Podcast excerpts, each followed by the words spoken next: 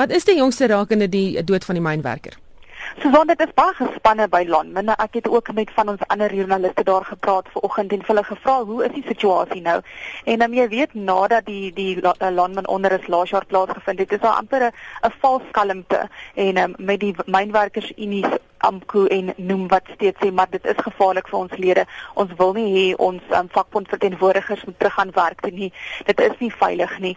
En ehm um, dit is baie snaaks as al so voorval kry en die volgende dag is dit ehm um, kalmte en ehm um, werk soos gewoonlik. So dit is baie moeilik om te bepaal presies wat daar aangaan en wat volgende gaan gebeur ook. Hmm. In die lig van die voorval sou die minister van polisie Natie Mtetwa die gebied besoek het, was hy al daar? Ons verstaan dat hy ver oggend uh, redelik laat oggend daar aangekom het. Ons het nog nie regtig berigte gekry oor wat presies sy besoek is en wat hy daar gesê het nie. Ons weet dat hy ook ehm um, dat daar verwag word dat hy môre die myn misdaadvoorkomingsforum sal open waar mynwerkers, unies, die myne, die polisie en almal ehm um, ook dan nou natuurlik die um, minister en sy departement samesprekings gaan voer oor hoe om ehm um, kalmte en misdaadvoorkomingsoperasies daar te hê. So hy sal ook dan nou ehm um, dit môre bywoon en ons verneem dat dit is as gevolg van hierdie misdaadvoorkomingsforum dat hy ook dan nou vandag ehm um, 'n draai gaan maak het in Landman en gaan kyk het wat die situasie is en homself vergewis het van wat daar aangaan.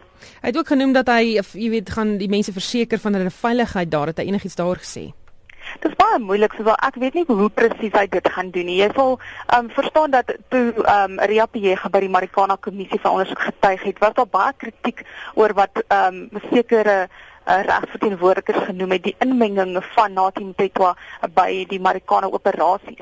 En dit is baie moeilik vir 'n politieke hoof om sulke tipe uitsprake te maak want wie presies moet dit doen? Ons het gesien dat die polisie gister probeer het om um, in Karee en Wonderkop hostelle in te gaan en gevaarlike wapens en knopkieries daar uithaal. En um, ons verstaan dat hulle net na die eerste um, hostel toe gegaan het, het en dit was redelik laat in die nag en um, toe mynwerkers begin agterkom wat presies aangaan het hulle soos een 'n uh, 'n massa gevorm en die polisie moes naderhand maar terugkeer en hulle het nie baie sukses gehad met hierdie tipe operasie nie. So ek weet nie presies hoe hy wil hê dit moet gebeur nie. Daar is reeds baie groot mynsekuriteit die myne het hulle sekuriteitswagte hulle is daar hulle ry rond en um, polisielede natuurlik die Marikana polisiestasie 'n baie klein polisiestasie met nie baie hulpbronne nie. So die minister sal moet verduidelik presies hoe hy sien dit gaan gebeur. Nou hulle sê daar's wyd berig oor wat op 16 Augustus 2012 plaasgevind het toe die polisie op stakende mynwerkers losgebrand het en 44 mense doodgeskiet is, die meeste van hulle stakende mynwerkers. Ons gaan nou luister na klank en verskeie berigte van wat daardie dag plaasgevind het. En ons begin met ons verslaggewer Faniel Shuma wat beskryf hoe dit op die koppie in Marikana gelyk het. Let wel, die klank is nie vir sensitiewe luisteraars nie.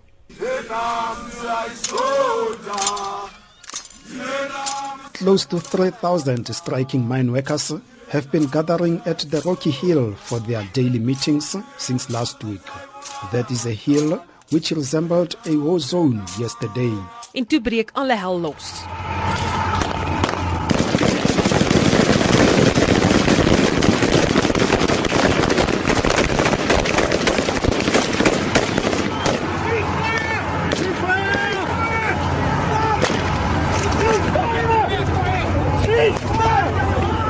Halfuur na die skietery waarin die mynwerkers doodgeskiet is, was ons verslaggewer Lizetla Beskagni nog op die toneel.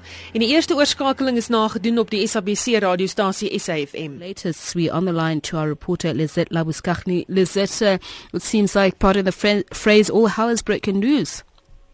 Yes, unfortunately workers did not want to disperse. Um, police this morning gave them a very strict ultimatum, disperse or we will take whatever necessary force we need to move you. About a half an hour ago, police did exactly that. They um, gave them a final warning, dropped stun grenades, um, tear gas, and then started shooting um, at these um, striking mine workers.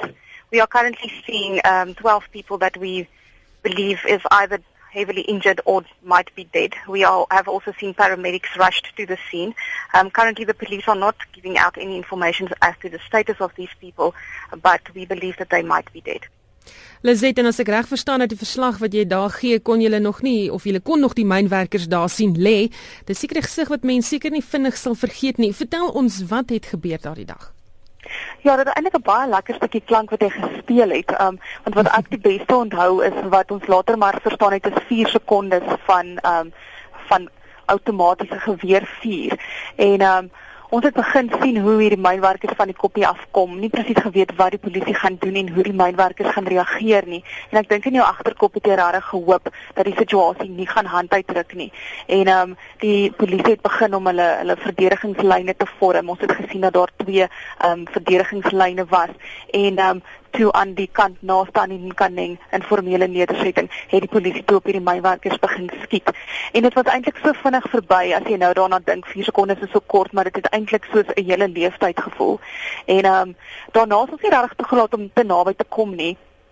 Um, ek weet ons ons het probeer kyk wat aangaan en ook natuurlik bekommerd oor ons eie veiligheid. Daar was 'n groot gedeelte van die mynwerkers wat aan ons ander kant bymekaar gekom het nader aan die kanning informele nedersetting en ons het op 'n stadium is ons gewaarsku dat ons moet pas op vir aanvalle van daardie kant af ook. En ehm um, ons het nader gestap probeer kyk of die werkers wat daar lê of hulle leef en of hulle dood is. En dan ons weet later dat die meeste van hulle inderdaad um, op slag dood is daar, maar dat daar 'n paar gelukkiges was soos um so Kolm Makiriwana wat ons later gehoor getuig het by die Marikana kommissie. En um hy het verduidelik wat met hom gebeur het. Hy was natuurlik een van die eerste mynwerkers wat deur die polisie nie gebreek het en um, hy is sewe keer geskiet maar hy het oorleef. En dit is dis baie moeilik self nou nog as jy teruggaan om nie geraak te word deur wat gebeur het nie en in 'n mate sin probeer maak van presies hoe dinge gebeur het. Ek dink ons het daarna gaan kyk na ons beeldmateriaal net om te probeer verstaan wat presies dit was want dit het so vinnig gebeur.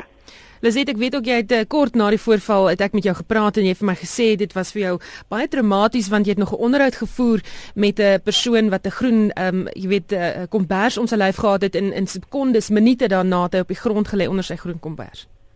Ja, daar's natuurlik twee kante vir ons. Ons het baie tyd saam met die polisielede deurgebring omdat die mynwerkers nie regtig baie openlik um, met die media wil omgaan nie. So ons het maar die eerste 3, 4, 5 dae met die polisielede gesels en saam met hulle geëet en en musiek geluister probeer om die tyd om te kry.